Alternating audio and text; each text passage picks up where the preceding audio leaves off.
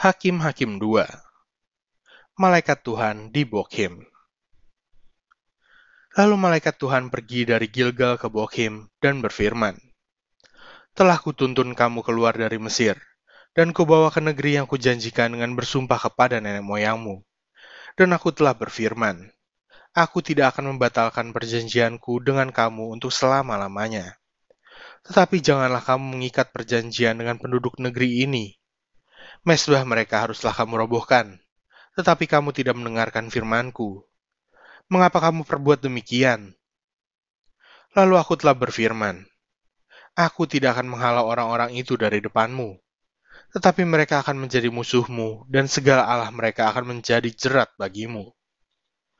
Setelah malaikat Tuhan mengucapkan firman itu kepada seluruh Israel, menangislah bangsa itu dengan keras. Maka tempat itu dinamai Bokim, Lalu mereka mempersembahkan korban di sana kepada Tuhan. Orang Israel menyembah berhala pada zaman hakim-hakim. Setelah Yosua melepas bangsa itu pergi, maka pergilah orang Israel itu masing-masing ke milik pusakanya untuk memiliki negeri itu. Dan bangsa itu beribadah kepada Tuhan sepanjang zaman Yosua dan sepanjang zaman para tua-tua yang hidup lebih lama daripada Yosua, dan yang telah melihat segenap perbuatan yang besar yang dilakukan Tuhan bagi orang Israel. Dan Yosua bin Nun, hamba Tuhan itu mati pada umur 110 tahun. Ia dikuburkan di daerah milik pusakanya di Timnat Heres, di pegunungan Efraim, di sebelah utara Gunung Gaas. Setelah seluruh angkatan itu dikumpulkan kepada nenek moyangnya, bangkitlah sesudah mereka itu angkatan yang lain, yang tidak mengenal Tuhan ataupun perbuatan yang dilakukannya bagi orang Israel. Lalu orang Israel melakukan apa yang jahat di mata Tuhan, dan mereka beribadah kepada para Baal.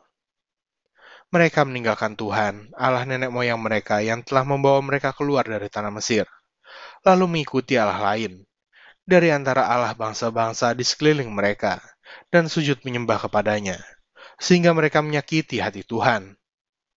Demikianlah mereka meninggalkan Tuhan dan beribadah kepada Baal dan para asitoret. Maka bangkitlah murka Tuhan terhadap orang Israel.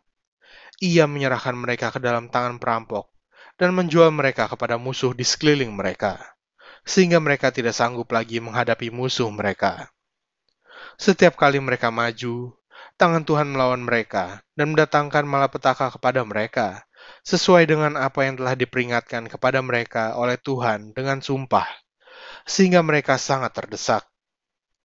Maka Tuhan membangkitkan hakim-hakim yang menyelamatkan mereka dari tangan perampok itu. Tetapi juga para hakim itu tidak mereka hiraukan, karena mereka berzina dengan mengikuti Allah lain dan sujud menyembah kepadanya. Mereka segera menyimpang dari jalan yang ditempuh oleh nenek moyangnya yang mendengarkan perintah Tuhan mereka melakukan yang tidak patut. Setiap kali apabila Tuhan membangkitkan seorang hakim bagi mereka, maka Tuhan menyertai hakim itu dan menyelamatkan mereka dari tangan musuh mereka selama hakim itu hidup. Sebab Tuhan berbelas kasihan mendengar rintihan mereka, karena orang-orang yang mendesak dan menindas mereka.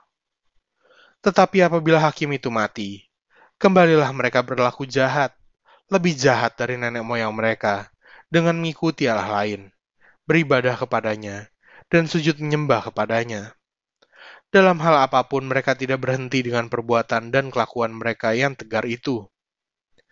Apabila murka Tuhan bangkit terhadap orang Israel, berfirmanlah ia, karena bangsa ini melanggar perjanjian yang telah kuperintahkan kepada nenek moyang mereka dan tidak mendengarkan firmanku, maka aku pun tidak mau menghalau lagi dari depan mereka satu pun dari bangsa-bangsa yang ditinggalkan Yosua pada waktu matinya.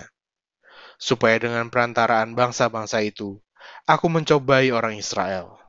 Apakah mereka tetap hidup menurut jalan yang ditunjukkan Tuhan, seperti yang dilakukan oleh nenek moyang mereka atau tidak? Demikianlah Tuhan membiarkan bangsa-bangsa itu tinggal dengan tidak segera menghalau mereka. Mereka tidak diserahkannya ke dalam tangan Yosua.